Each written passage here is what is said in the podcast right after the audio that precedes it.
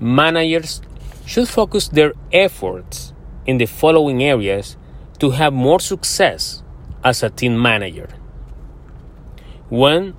Understanding team dynamics and encouraging good relationships. 2. Selecting and developing the right people. 3. Delegating effectively. 4. Motivating people. 5. Managing discipline and dealing with conflict. 6. Communicating. 7. Planning, making decisions, and problem solving. 8. Avoiding common managerial mistakes. Those are the skills that you as a manager can learn, can adapt, can improve, and can innovate.